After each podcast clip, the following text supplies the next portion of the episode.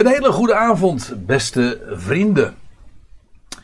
Hartelijk welkom in deze Bijbelstudie. En de dag dat ik dit opneem is 24 december, donderdagavond. En dat is dus eigenlijk kerstavond. En ik moet me voor sommige mensen misschien excuseren voor het feit dat wat ik vanavond ga bespreken eigenlijk niets of nauwelijks iets met, het, met kerstmis te maken heeft. Maar daar, zelf, uh, daar hecht ik zelf uh, niet zo heel erg veel uh, waarde aan, aan dat soort kerkelijke data. Ik ga dus vanavond gewoon verder met de serie waar ik al heel lang mee bezig ben, namelijk die over het boek De Openbaring. En we waren inmiddels gearriveerd in hoofdstuk 17 en dit is eigenlijk al de derde studie daarover. En ik heb het als ondertitel meegegeven: Babylon en het beest met de zeven koppen. En ik zal vanavond ook weer slechts een, een zes, zevental versen daaruit bespreken. En het is wellicht nuttig om eventjes nog terug te blikken op wat we tot dusver hebben gezien over hoofdstuk 17 in het eerste deel. Toen hebben we nagedacht over de eerste vijf versen van dat hoofdstuk. En daarin beschrijft Johannes feitelijk wat hij visionair waarneemt. En wat hij dan ziet is een hoer. En zij is eh, extreem kostbaar gekleed. En er wordt ook nog bij gezegd, ze hoereert met de koningen der aarde. In haar hand heeft ze een, een gouden drinkbeker. Die vol met gruwelen is, afgoderij betekent dat. En ook onreinheid van hoererij. Vervolgens wordt er ook gezegd dat ze zit op een scharlakenrood beest. En dat beest dat is boordevol namen van lastering, van godslastering. En van dat beest wordt ook nog uh, vermeld dat het zeven koppen heeft en tien horens. En dan heeft deze dame een, op haar voorhoofd een naam. En dat is nogal mysterieus, want het heet geheim, mysterion. Dat is het Griekse woord voor geheim of verborgenheid. Geheim, het grote Babylon. En dat is inderdaad dus de naam uh, van deze vrouw, maar het verwijst dus naar een stad. En al deze dingen die hier genoemd worden, dat is het visioen, dat zijn de beelden. Maar het spreekt voor zich dat ze dus iets uitbeelden. Ze representeren een andere werkelijkheid. En uh, de aardigheid is dat we voor al die dingen ook niet hoeven te fantaseren. Nee, de schrift zelf legt de beelden uit. Het feit dat het een hoer is, het feit dat, het, dat ze op een beest is gezeten en dat zeven koppen heeft, wat we trouwens al uit hoofdstuk 13 kenden, en ook uh, tien horens. Uh, al die dingen die worden later in dit hoofdstuk trouwens ook nog uitgelegd of uh, anderszins elders in de Bijbel. De vorige keer toen heb ik eigenlijk, dat was min of meer een inlas, een excursie, omdat ik het nodig vond om even goed te benadrukken dat als gezegd wordt dat deze vrouw een, een uitbeelding is van de grote stad Babylon, dat staat letterlijk zo in hoofdstuk 18 tot twee keer toe beschreven, dan is dat ook letterlijk zo. Het is in beeld een hoer, dat is uh, de symboliek die Johannes in, in een visioen waarneemt. Maar als het dan uitgelegd wordt, is dat deze hoer staat voor Babylon, de grote stad. Het een is het beeld, het andere is de uitleg.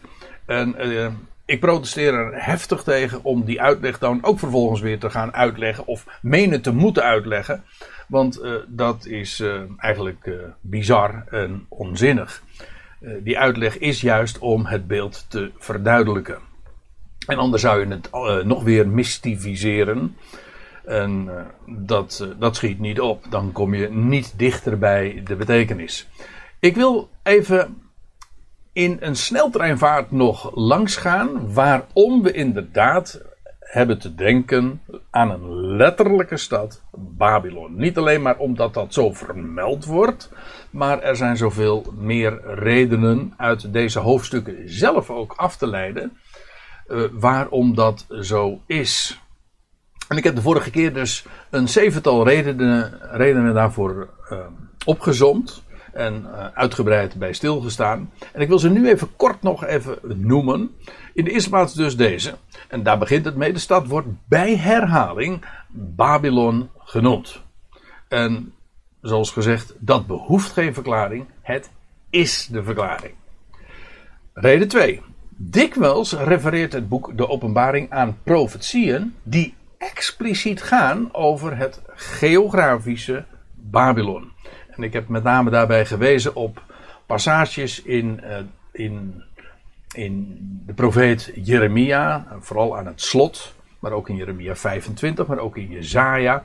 Dan wordt er heel uitdrukkelijk geprofeteerd over de stad Babylon. En dat wordt dan vervolgens vele keren aangehaald in dit hoofdstuk, hoofdstuk 17 en 18. Zodat Johannes, als het ware, dus teruggrijpt en voortbouwt op uh, de, de profetieën die we kennen uit de Hebreeuwse Bijbel. Een derde reden is dat Babylon, volgens de profeten, in één keer compleet zou worden verwoest. En dat heeft nog nooit plaatsgevonden. Met andere woorden, uh, daar zijn nog onvervulde aankondigingen. Dat betekent dus dat Babylon alsnog een keer verwoest zal worden. En dat Babylon uh, nog inderdaad de betekenis gaat krijgen. Uh, en, en, weer op de kaart zal worden gezet. En een hoofdstad zal worden. En dan zal ze alsnog worden verwoest. In het verleden is de stad bij herhaling he, ontmanteld, aan, heeft het aan betekenis ingeboet, maar verwoest is de stad nooit. En daar komt trouwens bij dat, en dat is reden 4, Babylons verwoesting, die zou plaatsvinden in de context van de dag van Yahweh. En dat is dus meteen ook de reden waar, waarom inderdaad die verwoesting nog steeds in de toekomst ligt. Want de dag van Yahweh, ja, dat is een uitdrukking die specifiek te maken heeft met het einde van deze aion en het begin van het koninkrijk van God hier op aarde. Dus eh, de verwoesting van Babylon wordt heel duidelijk ook gekoppeld aan een bepaald tijdstip. En dat tijdstip ligt nu nog steeds in de toekomst. Dan, daar komt nog iets bij, en dat is na haar verwoesting zou Babylon nooit meer worden bewoond. En dat is ook een opmerkelijk gegeven. Dat geeft namelijk uh, ook aan dat uh, deze, die verwoesting uh, niet verklaard moet worden in termen van een ontmanteling. Of dat het een, in, een stad is die steeds aan betekenis heeft ingeboet. Nee, het wordt, de stad wordt en verwoest. En bovendien, daarna zou ze niet meer bewoond worden. Wel, de stad Babylon wordt wel degelijk vandaag bewoond. En is een, een, een aanzienlijke stad. Weliswaar niet de hoofdstad, nog bij lange na niet, die het straks weer gaat worden en die het in het verleden ooit ook was. Maar niettemin, uh, de, de stad is, uh, de stad Hila is een stad van een half miljoen inwoners.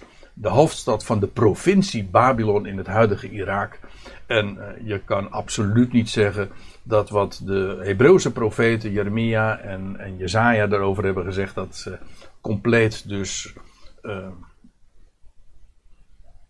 Dat, dat die steden totaal niet meer zouden bestaan en zelfs niet meer bewoond zouden worden. En zelfs een Arabier zou zijn, zijn tenten er niet meer opslaan. In, in die uh, termen moeten we daar dus over denken. En dan uh, nummer 6 als reden. Zo concreet geografisch als de grote rivier de Uifraat is in het boek De Openbaring, wordt verschillende keren uh, genoemd. Wel, ja, er is maar één rivier, de Uivraat. De grote rivier de Uivraat. En dat is die rivier daar in het Midden-Oosten, daarbij in Mesopotamië. Sterker nog, Mesopotamië ontleent haar naam zelfs aan de Uivraat en de Tigris. Wel, zo concreet, zo concreet is ook de aanduiding de grote stad Babylon.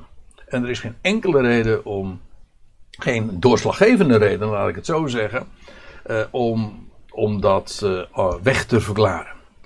En uh, nummer 7 als reden, daar heb ik ook de vorige keer wat meer uitgebreider bij stilgestaan. Dat is dat de hoer in het boek Openbaring, in Openbaring 17 en 18, overeenkomt met de goddeloze vrouw die in Zacharia 5 wordt geprofiteerd en die, uh, die Zacharia ook visionair waarneemt, die vrouw en die Eva en die dan, uh, dat is dan uh, de, de, de, het goddeloze volk in het land en dat wordt getransporteerd in, en verbonden met de symbolen van, van de munt, van de monetaire in monetaire termen en in termen van handel, van groothandel. Wel, die vrouw, die goddeloze vrouw in het land wordt verplaatst, zo staat het er dan beschreven,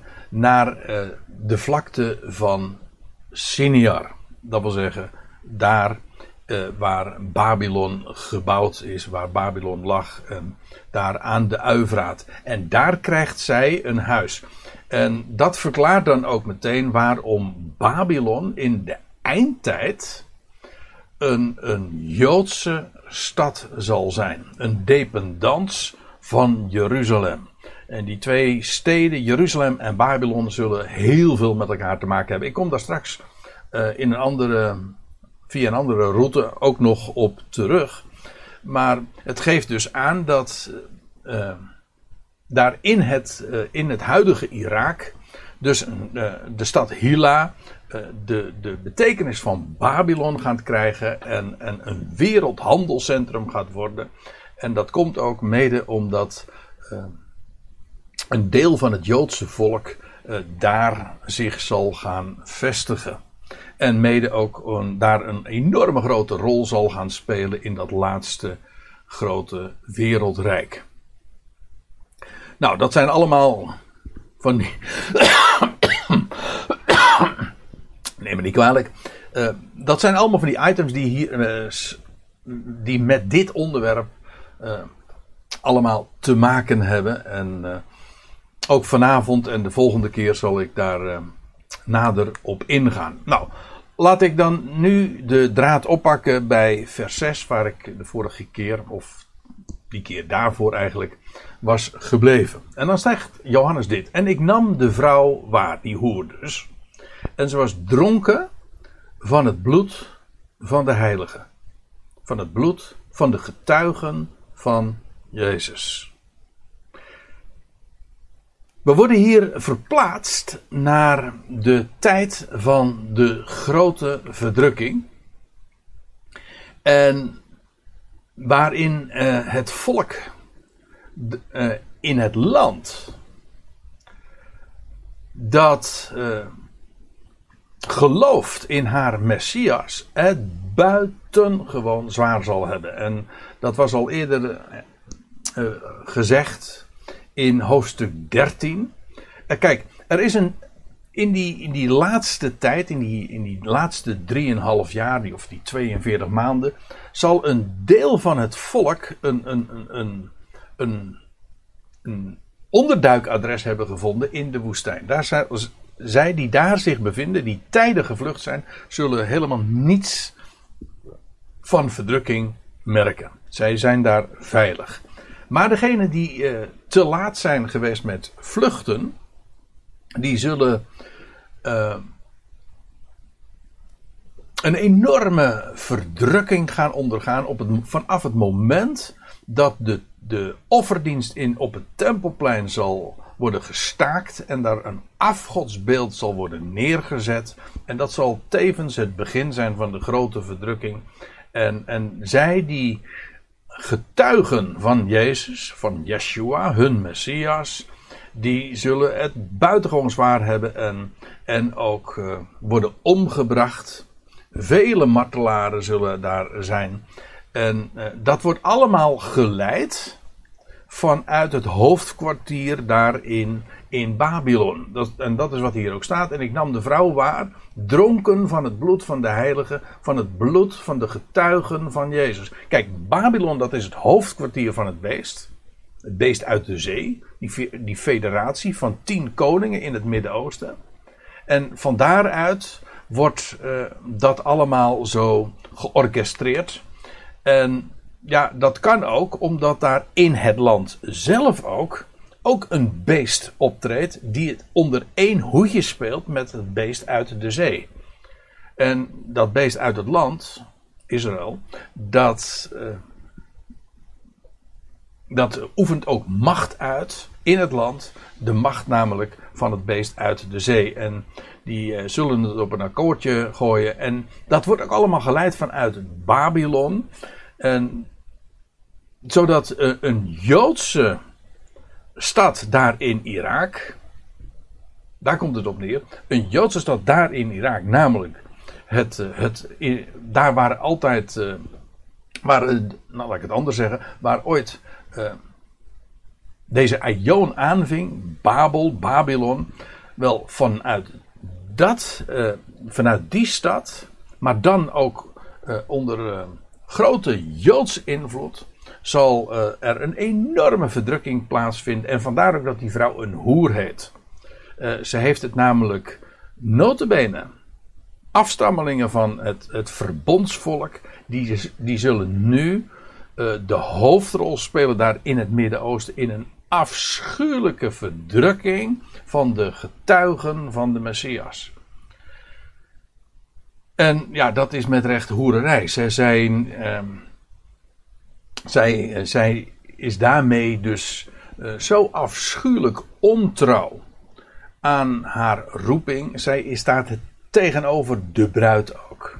Waar we het trouwens in, uh, in hoofdstuk 19 nog uitgebreider over gaan hebben. Staat ook tegenover de vrouw in, in openbaring 12. Die, die daar in de woestijn een onderduikadres heeft. dit is een, een afschuwelijke representant van het, het bondsvolk. Namelijk uh, vol met afgoderij. En die afgoderij is feitelijk ook hoererij. Want ze verbindt zich met de, de natieën. Terwijl ze een verbintenis en een verbond zou onderhouden met haar God. Maar dat doet ze niet en dat is haar ontrouw. Dat is wat haar ook tot een hoer maakt. En ja, de grote verdrukking daar in het land, dat is waar het op neerkomt, die wordt dus geleid vanuit Babylon. En, en als Johannes dat dan ziet, en ik, dan zegt hij, en ik verwonderde mij toen ik haar zag. Met grote verwondering. Hier zijn Babylon en Jeruzalem elkaars verlengstuk. Ook Jeruzalem uh, heeft. Uh, op dat moment, tijdens de grote verdrukking, tijdens die 42 maanden, speelde een afschuwelijke rol. In hoofdstuk 11 lees je ook dat, die, dat in die tijd ook twee getuigen dus op zullen treden. En die zijn trouwens ook beveiligd, die kan ook niks worden aangedaan. Maar uh, dat, uh, zij treden op in de stad, waar hun Heer ook gekruisigd was, staat er in hoofdstuk 11 dan. Dus zodat we echt weten, het gaat daar echt over Jeruzalem. Zoals Babylon echt Babylon is, zo is Jeruzalem echt Jeruzalem. En dat Jeruzalem, daarvan wordt gezegd, het wordt geestelijk genaamd Sodom en Egypte. En dat zijn beide locaties waar, je, waar het volk van God niet thuis hoort. Vraag het maar aan, aan, aan, Lot. Uh, die moest er ook uitvluchten. Net zo goed als uit Egypte moest het volk ook uh, uitvluchten en weggaan. En dat, uh, dat is Jeruzalem in die dagen. Een, een, een stad uh, ja, waar, uh, waar afgoderij leidend zal zijn. En iedereen die daar niet aan meedoet, ja, die wordt het leven compleet onmogelijk gemaakt. Babylon en Jeruzalem zijn, zijn elkaars verlengstuk. En de afgoderij, samengevat op het tempelplein, ter ere van het beest uit de zee. Want dat, die, dat afgodsbeeld, dat is een, een representant, dat, dat moet dan ook ter ere zijn, is, is een embleem van de leider uh, van, ja, van dat wereldrijk in het, in het Midden-Oosten. Ja, en dat wordt allemaal dus gepromoot door de valse profeet, dat beest uit het land.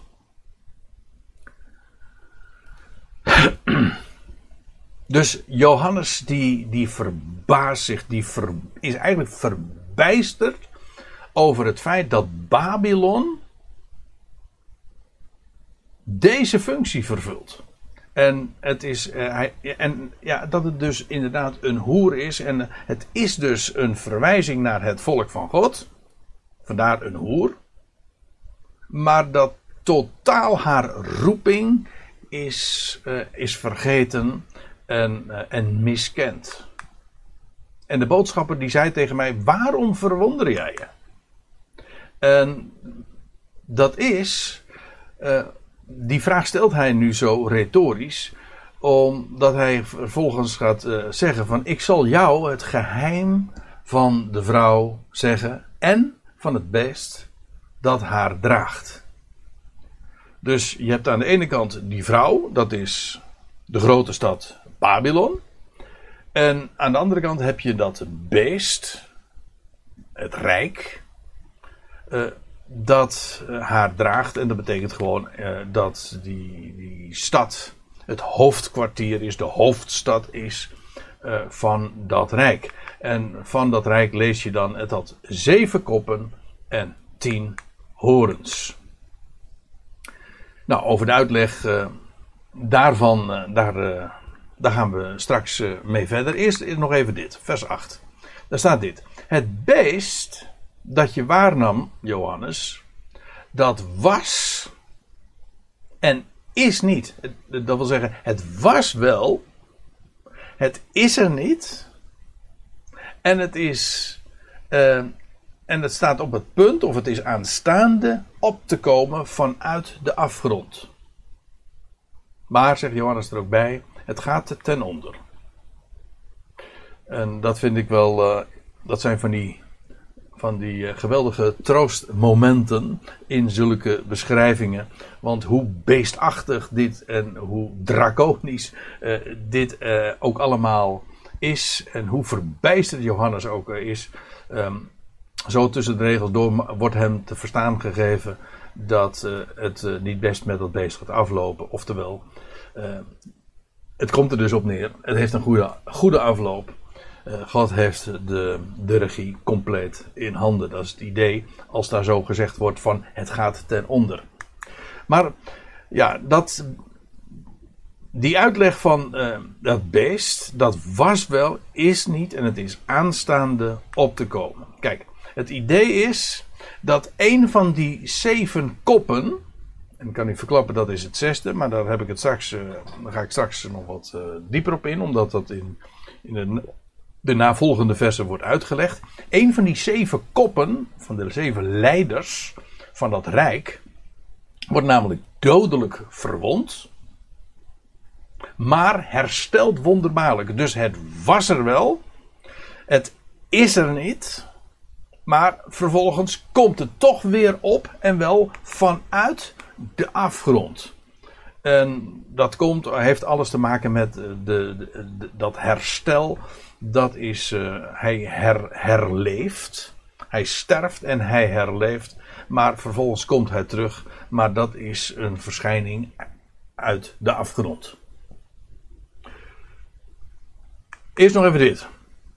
En die op het land wonen, of eventueel de aarde, dat, dat in, in, dat geval, kijk, ik heb al heel vaak erop gewezen, dat zijn uh, termen die in het Grieks uh, en in het Hebreeuws ook uh, identiek zijn. En dat is lastig soms voor de vertalers, want ja, wat moet je weergeven? Um, het land of de aarde, dat is in de Bijbel gewoon het droge. En dat kan beperkt zijn, een uh, heel specifiek stuk land, Haaretz, bijvoorbeeld Israël. Maar het kan ook gewoon het land in het algemeen zijn, al het land namelijk. En het hangt van de context af wat de gedachte is. Maar in het Grieks blijkt dat niet altijd uh, zo zonneklaar. En dat is hier ook het geval, want in beide gevallen is het uh, goed te verklaren. Je zou kunnen lezen van het land, namelijk Israël. Maar je zou ook kunnen lezen van en zij die op het droge, gewoon ehm, alle landen, of zij die op de aarde wonen, die zullen zich verwonderen. Ja, waarom? Wel vanwege dat wonderbaarlijke herstel. Uh, dat uh, vanwege dat beest dat herleeft. Het, het wordt dodelijk verwond. Maar vervolgens komt het alsnog, nadat het uitgeschakeld is, alsnog weer terug. Maar dan wel vanuit de afgrond. En dat is de verwondering, de verbijstering. Maar ook de, de aanbidding die dat vervolgens tot gevolg heeft. Want dat is uh, misschien wel een van de grootste spektakels van, van de laatste dagen. Dat uh, de, een wereldleider uh, zo herleeft. En dan kun je je ook voorstellen waarom het messiaanse trekken geacht wordt te hebben. Het is gewoon een. ja, het doet denken aan het lam. Dat ook stierf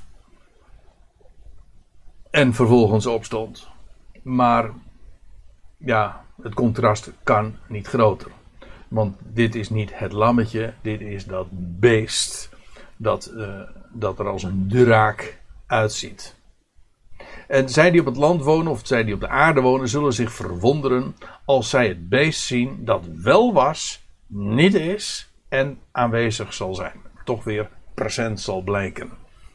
Dus het heeft, die verwondering heeft daarmee te maken met het feit dat die, dat, dat beest zich uh, op een wonderbaarlijke wijze herstelt. Dat stond allemaal al beschreven in hoofdstuk, in hoofdstuk 13, vers 3.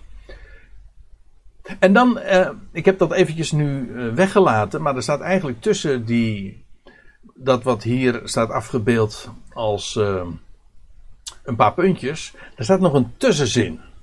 En dat heb ik er eventjes uitgeknipt en dat wil ik nu alsnog even noemen. Dan, uh, want en zij die op het land wonen zullen zich verwonderen. En wie zijn dat dan? Wel, van wie de naam niet staat geschreven in de boekrol van het leven. Vanaf werelds nederwerping. Nou, e-, even dit. De boekrol van het leven, of uh, het boek des levens, dat was in hoofdstuk 13 ook al zo genoemd. Alleen wordt het daar nog aangevuld met het boek van het leven van het lammetje. Of, van het, of uh, uh, de boekrol van het leven van het lam.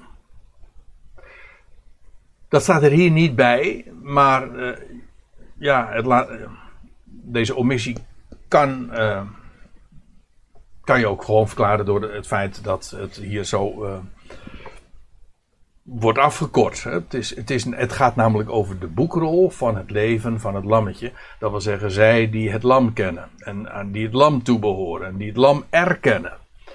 En ja, degene die dat lam dus niet erkennen. Ja, van hen wordt de naam uit, het, uh, uit de boekrol uh, gewist. Want, uh, want dat is de, de gedachte. Van ongelovigen Kijk, in feite, dat boek van het leven, dat staat, daar staat iedere naam in genoteerd. Maar zij die niet geloven, die de Heer afwijzen, die worden uit dat, die boekrol gewist, zo wordt dat ook genoemd. In, over, in openbaring 3 vers 5 lees je die uitdrukking ook van... Uh, die zal ik geen zins uitwissen uit, de boek, uit het boek van het leven. En dat betekent dus dat het een optie is. En in, uh, in Psalm 68 of Psalm 69 lees je ook iets dergelijks. Dat uh, uit, uitgedelgd worden uit uw boek. En dat kan dus. En dat gebeurt door ongeloof. Door je te verzetten tegen uh, het woord van God. En daarmee, ja, je verzet je feitelijk tegen dat boek. En dan word je daaruit uitgeschrapt. Je zou het zelfs kunnen beschouwen als een, een daad dat,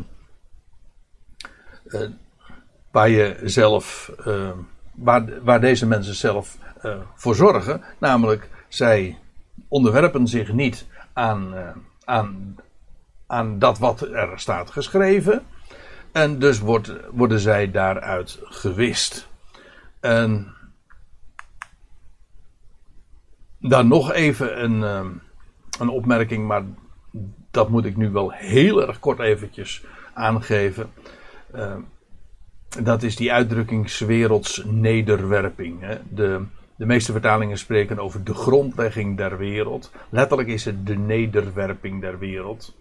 En daar zijn nogal wat uh, verschillende visies op. En als u het mij vraagt, uh, heeft deze term uh, betrekking op een geboorte. In een geboorte in Hebreeën 11, vers 11, daar, daar lees je ook over de nederwerping van zaad. En dan gaat het gewoon over de geboorte. En die term kennen wij trouwens ook wel, maar wij in, in ons spraakgebruik koppelen we dat aan, uh, aan de dierenwereld. Een dier werpt een dier. En dat slaat dan ook op de bevalling of op de geboorte. Uh, in verband met mensen spreken we daar niet over. Maar dat is wel degelijk dus de Bijbelse gedachte. Zaad wordt neergeworpen in de zin van. Uh, het werpen of het geboren doen worden of de bevalling. En, de, en werelds nederwerping is dus eigenlijk vanaf de geboorte, vanaf het ontstaan van de wereld. En ik kan me voorstellen dat uh, niet iedereen uh, zich daar in deze uitleg zal kunnen vinden, omdat dit wel misschien wat kort door de bocht is. Maar ik wil het even laten voor wat het is, omdat ik denk dat de precieze betekenis hier niet eens zozeer ter zake doet. Maar uh, ik wil even volstaan met, uh, met, deze, met deze gedachte en overdenk het maar eens. Dus wat er gezegd wordt is dat zij die op het land wonen, die zullen ver, verwonderd zijn. Maar dat zijn dan wel degenen die, en, en die in verwondering en bewondering uh, het beest achteraan lopen, dat zijn zij die niet geschreven staan of niet meer geschreven staan in de boekrol van het leven. En ik denk dat uh, als daar staat vanaf werelds nederwerping, dat dat slaat op de boekrol. Dat, die boekrol die is er al vanaf, de, de, vanaf werelds nederwerping. Uh, Gods boeken. En het heeft te maken ook dus met het, zij die niet het leven van de toekomende Ionen zullen ontvangen. En de Bijbel is daar volkomen helder over. Uiteindelijk zal heel de mensheid delen in, in het leven dat Christus aan het licht eh, heeft gebracht. Maar uh, velen zullen pas dat, uh, dat leven pas krijgen aan het einde van Christus heerschappij als hij de dood teniet zal doen. Maar dat zal zijn wanneer, uh, wanneer, hij de troon, wanneer hij de troon en de kroon en de heerschappij zal overdragen aan zijn God en Vader. Zij zullen, degene die dan zullen opstaan, die zullen en levend gemaakt zullen worden, die zullen de, de toekomende Ionen, de, de Ionen waarin Christus zal heersen, niet meemaken. Ik realiseer me terwijl ik dat nu uitleg dat uh, als je dat nog nooit zo gehoord hebt, dat uh, zowel over werelds nederwerping, maar vooral over wat ik nu zeg over dat Ionische leven, dat dat uh, nieuw kan zijn. Maar goed, daar zijn andere Bijbelstudies op de website die daar uitgebreid op ingaan. Dus mocht je daar interesse in hebben, kijk nog eens op goedbericht.nl en je zult daar heel veel meer informatie over vinden.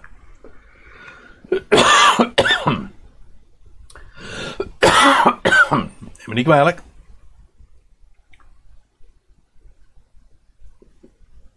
Als ik in de avond de Bijbelstudies geef, dan uh, overkomt me dat regelmatig. Maar degenen die deze serie volgen, die weten hoe dat uh, inmiddels bij mij, uh, bij mij werkt. Goed. Dan vers 9. Dan staat er hier, nu, nu volgt de uitleg. Hier is het verstand dat wijsheid heeft. En wat er gebeurt is dat we uitleg gaan krijgen over de hoer. Dat is trouwens pas later. Maar ook over dat beest. En over die zeven koppen. En over die tien horens. En nu gaat het erom dat je dat gaat verstaan. Zodat je inzicht krijgt, overzicht krijgt, wijsheid uh, ten deel valt uh, over deze dingen. En de aardigheid is trouwens dat over die zeven koppen. Uh, dat daar twee verklaringen voor worden gegeven. Dat wil zeggen, er zijn twee manieren, kennelijk, die hier van de hand gedaan worden aan Johannes. Twee verklaringen die allebei recht doen aan de betekenis van die zeven koppen. De zeven koppen, staat er dan, dat zijn zeven bergen. Namelijk zeven bergen waarop de vrouw gezeten is of waarop zij zit. Zeven bergen. nou is dit uh, een wat uh, moeilijke aangelegenheid. Want uh, in de eerste plaats meestal is het zo dat eh, men zegt: ja, de, oh, de stad met, uh, die gebouwd is op zeven bergen, dat is Rome. En ik zeg niet dat dat onwaar is, integendeel, want uh, dat, is, dat is algemeen bekend.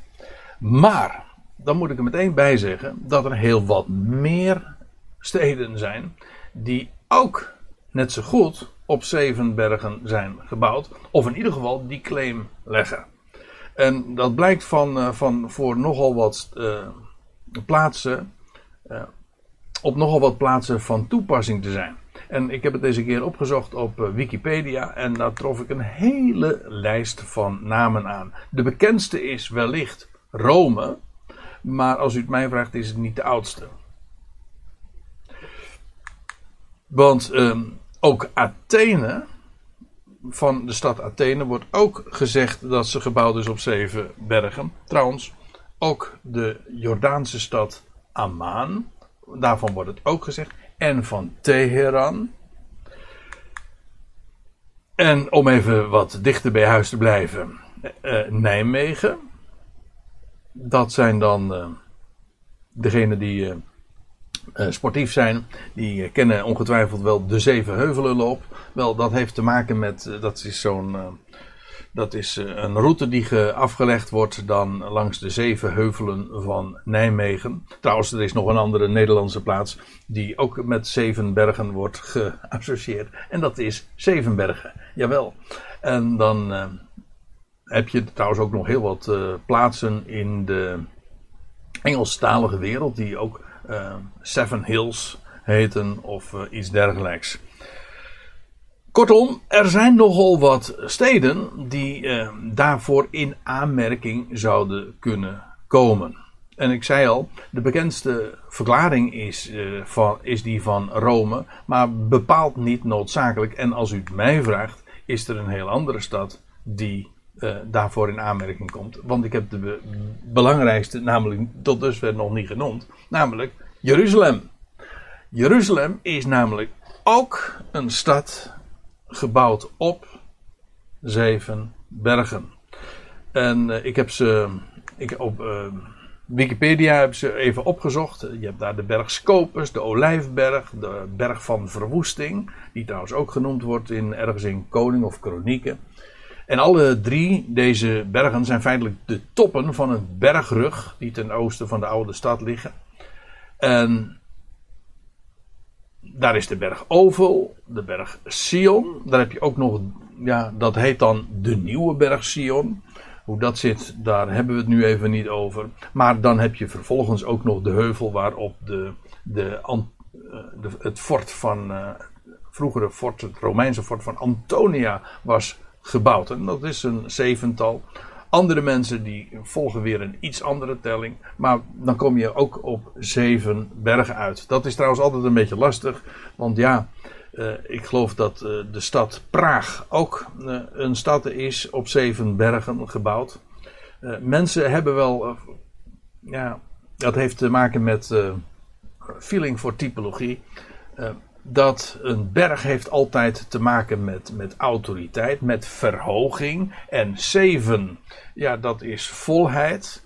En als je een beetje feeling hebt met typologie, dan begrijp je wat. Dat als je een stad van betekenis wil hebben, ja, dan is dat idealiter gebouwd op zeven bergen. En als u mij vraagt, is de meest oorspronkelijke gewoon Jeruzalem. Trouwens, ook van Babylon, en dat zou uh, natuurlijk ook nog een verklaring kunnen zijn. Daarvan wordt ook gezegd dat het gebouwd is. Het ligt in een dal, dat weet ik. Maar dat er zeven hoogten zijn gemaakt. Uh, zeven bergen. Uh, zeven hoogten die van, uh, in, in de oudheid een grote rol speelden in die stad. En dat is dan ook nog een link. Kortom, uh, zo eenvoudig als het misschien in eerste instantie lijkt. De stad uh, die op zeven, of de, de vrouw die op zeven bergen is gezeten, uh, is nog niet eens zo simpel. Wat nou doorslaggevend is. Kijk, je, het hangt er ook een klein beetje vanaf hoe je telt, welke berg je nog wel meetelt en welke je niet meetelt. een stad groeit, dus ja, dan betekent dat dat er dan ook weer dus uh, wellicht uh, een andere berg uh, betrokken wordt in, in de bouw van de stad. Kortom, het is allemaal niet zo heel zwart-wit. Waarmee we natuurlijk nog steeds zitten met de vraag van, ja, wat zijn nou die zeven bergen? En dan zeg ik, Jeruzalem komt, als u het mij vraagt, het beste daarvoor in aanmerking. Je leest ergens in de psalmen dat rondom Jeruzalem zijn bergen. Zo is de Heer, zo is Yahweh voor uh, rondom zijn volk. Ja, die, die bergen van rondom Jeruzalem, of die bergen waarop de stad gebouwd is, ja, dat dat een zevental is, dat, dat hoeft eigenlijk ook niet te verbazen. En voor mij is het doorslaggevend dat we inderdaad hebben te denken aan Jeruzalem, omdat uh, ja, zij een, die, die, die, dat Babylon een hoer is. En dat doet in de eerste plaats denken aan een vrouw, namelijk het volk van God, maar dat ontrouw is geworden. En ja, dat weliswaar eh, die stad is Babylon, maar ze heeft een zetel in Jeruzalem. Zodat je het eigenlijk, uh, ja, je kunt zeggen van Babylon is een filiaal. Ik meen dat ik de vorige keer zoiets zei. Is een filiaal van, van Jeruzalem. Of van de Joodse staat, zo u wilt. Uh, maar je kunt natuurlijk net zo goed zeggen dat Babylon heeft te Jeruzalem een zetel. In de zin van een troon, een vestiging, een residentie of een hoofdkwartier. Die vrouw, uh, Babylon, heeft dus een zetel in Jeruzalem. Het, het, het, het, ja, de, de clue van het verhaal is dat dat laatste wereldrijk inderdaad in het Midden-Oosten gelokaliseerd moet worden. Babylon als hoofdstad heeft, maar er is een directe lijn met de stad Jeruzalem, met de Joodse staat. En dat is die stad uh, uh, ja, die gebouwd is op zeven bergen. En Jeruzalem en Babylon, die twee, die link, uh, dat is die, we, die hier ook beschreven wordt. En dat verklaart nogmaals ook het allerbeste waarom, dat, waarom die vrouw ook daadwerkelijk een hoer heet. Namelijk ze is, het doet denken, ze heeft haar roots in het volk van Israël. En, dat is de tweede verklaring. Kijk, aan de ene kant die zeven koppen van dat beest, dat zijn zeven bergen, dat is de verklaring 1. Maar, uh, wordt aan, tegen Johannes gezegd, zij zijn ook zeven, en zij zijn zeven koningen. Dat wil zeggen zeven achtereenvolgende hoofden van het rijk. Dat, is van belang, want we zullen straks ook nog op, die, op tien koningen komen, maar dat is, uh, dat is niet achtereenvolgend. Het gaat hier over zeven achtereenvolgende koningen, dat wil zeggen hoofden van dat rijk. Kijk, een, je, dat rijk zelf is een federatie, waarover straks meer. Maar dat uh, die federatie wordt geleid, ja, uiteraard, heeft een hoofd. En ook een hoofdkwartier. Nou, daar, hebben we daar hadden we het al over, namelijk Babylon. Maar ook, het heeft hoofden. En dat zijn zeven achtereenvolgende hoofden. En dan staat erbij, vijf ervan vallen. Dus koning 1 tot en met uh, 5, die vallen, of ze vallen achter elkaar, of uh, gelijktijdig, uh, in het geval dat het een eerst, in eerste instantie een vijfkoppig bestuur zou zijn, dat zou ook nog kunnen. Maar in ieder geval vijf ervan vallen. Staat in de aorist, dus eigenlijk dus tijdloos. Dus ik, ik het hoeft helemaal niet dus als, als een perfectum te worden opgevat ze zijn, dat ze zijn gevallen. Nee, ze, ze vallen. Hoe dan ook. En wanneer dan ook. Vijf ervan vallen. En dan staat er vervolgens één is er nog. Dat is dus nummer zes. En de andere, dat is dus nummer zeven. Die kwam nog niet. Nee, is ook, want omdat die nummer 6 er nog is. En de an, kijk, Johannes, even tussendoor. Johannes, die beschrijft gewoon dat wat hij ziet. Hij is verplaatst naar de dag, uh, naar de dag van de Heer. En, en hij neemt waar en dan ziet hij dat, dat, dat beest en hij ziet dat rijk en, en dan wordt hem ook de verklaring gegeven. Ja, dat, dat rijk, dat de eerste vijf koningen die, die vallen. Dan komt er een, een zesde die, maar uh, die zesde is niet definitief, want de andere, nummer 7, die komt ook nog. Dus de, daarvan wordt hier gezegd, de andere kwam nog niet. Maar wanneer hij zou komen, dan moet hij korte tijd blijven. Dus nummer 7 is, een, is slechts van zeer korte duur. Dat wordt benadrukt. Nummer 7 is van korte duur. En dan staat erbij, en dit, is, uh, dit zijn versen die aan heel veel uh, speculatie zijn blootgesteld. En men heeft uh, geprobeerd dat historisch uit te leggen. En in de zin van de opeenvolgende wereldrijken. En ik geloof dat het allemaal onnodig is. Ik geloof dat we hier te maken hebben met een, een, een rijk in de eindtijd. En dat rijk heeft zeven achtereenvolgende koningen. De eerste vijf vallen. Dan krijg je nummer zes. En. Maar die. Eh, die nummer zes, en dat is het, eh, een belangrijk punt. Die wordt dodelijk verwond. Kijk, eh, laat ik het eerst even dit zeggen. Het beest dat wel was en niet is. En dit klinkt zo verschrikkelijk cryptisch. Ja, totdat je uh, het gewoon allemaal eventjes uh, ja, visualiseert en, en, en even op een rijtje, ja, met recht op een rijtje zet. Hè, vijf ervan vallen, dan komt er zes. En dan krijg je zeven, maar die zeven is maar voor een heel korte tijd. En dan staat erbij, en dat beest dat wel was en niet is, is zelf ook de achtste. En hij is vanuit de zeven. Met andere woorden, nummer zeven, die, ja, die komt maar voor korte tijd. Die moet weer wijken voor zijn voorganger. Ja, waarom? Wel, omdat dat beest uh, uit de zeven is. Dus als die zevende komt, dan is hij maar korte tijd. Waarom? Hij moet weer wijken voor uh, een, een hoofd die voor hem was. En het punt is, en dat wisten we al. Een van die koppen die krijgt namelijk een, die wordt dodelijk geraakt en herstelt daarvan van zijn dodelijke wond. Dat was al in hoofdstuk 13 vers 3 beschreven.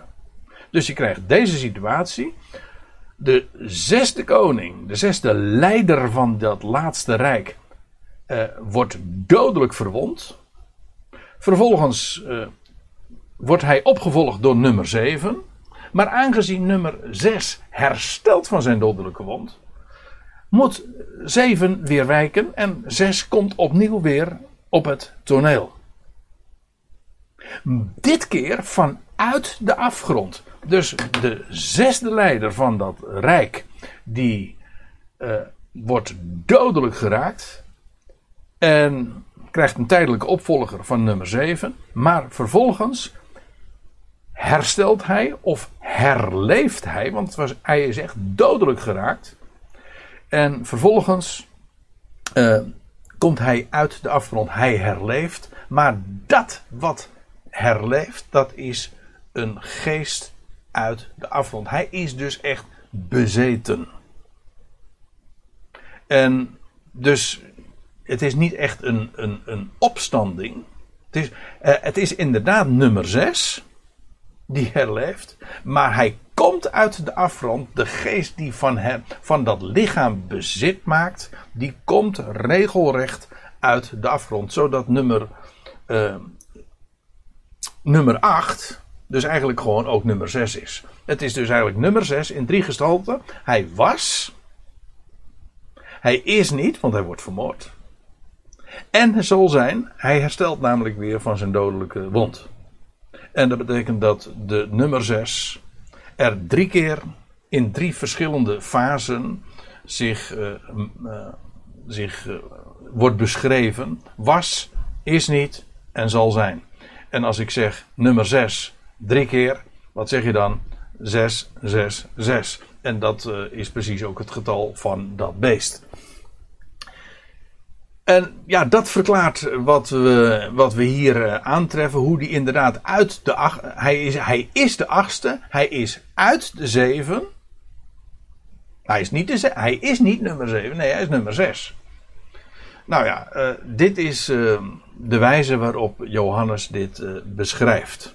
Dus we krijgen dus in de eindtijd een, een wereldrijk die achtereenvolgens door diverse, uh, een zevental uh, figuren wordt geleid. En uiteindelijk komt uh, de zesde weer opnieuw in, in, in een andere, in, na, nummer zes, na nummer zeven. En is die dus en nummer zes en hij is nummer acht.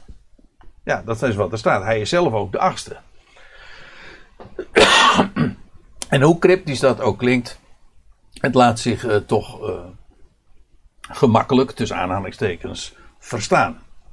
En dan nog dit in vers 12. En de tien horens die waarnam Johannes, dat zijn tien koningen. hey, weer, uh, weer koningen. Dus we hadden eerst zeven koningen, nou tien koningen, jawel. Maar wacht even. Het verschil is, deze, is dit. De zeven koppen, dat zijn zeven achtereenvolgende leiders van het beestrijk. Vijf vallen, dan krijg je nummer zes, dan krijg je korte tijd nummer zeven en dan komt de achtste. Dat eigenlijk nummer zeven is. Uh, pardon, dat uit de zeven is. Maar deze tien koningen, dat zijn, uh, of die tien horens, dat zijn tien koningen die tegelijkertijd zullen heersen onder leiding van een van die zeven koppen. En dat betekent dus gewoon, we hebben te maken met een rijk dat een tiental leiders zal hebben en uh, de federatie uh, wordt geleid door. En dat is het verschil dus. Je hebt dus en tien horens en je hebt uh, zeven koppen. Ja, en daarover wil ik eh, de volgende keer eh, graag wat, uh, wat meer zeggen. Dat zou nu te ver voeren. Ik heb dus nog een, een Bijbelstudie in de planning voor, voor het resterende van dit hoofdstuk. Namelijk vers 6 tot en met 12. En dan zullen we dieper ingaan op die tien koningen. En ook op de relatie die zij hebben met de stad Babylon. Over die tien koningen daar is namelijk nog veel meer over te zeggen. Maar dan zullen we vooral ook weer ons moeten wenden tot het boek Daniel.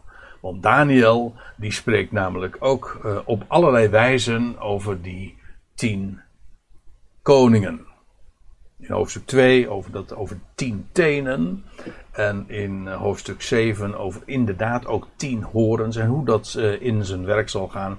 Nou, dat is uh, te veel om dat allemaal nu eventjes kortweg te, te benoemen. We zullen daar een aparte studie aan wijden en dat is dus de volgende keer. En dat zal niet meer in 2020 zijn, maar in 2021. Deze dingen, daar ben ik vast van overtuigd, die gaan zich in, in niet al te verre toekomst zich allemaal manifesteren. Als u het, en het zou me niet verbazen dat dat inderdaad al in dit decennium zijn, zijn beslag zal gaan, krijgen, zal gaan krijgen. Met andere woorden, deze dingen zijn hoogst, hoogst actueel. En uh, misschien dat ik uh, de volgende keer ook uh, nog wat zal kunnen gaan uitweiden over de actualiteit. Hoe dit zich in, hoe deze dingen zich, zich zullen gaan, gaan, gaan ontwikkelen. Misschien dat daar inmiddels dan ook wat meer zicht op zal zijn.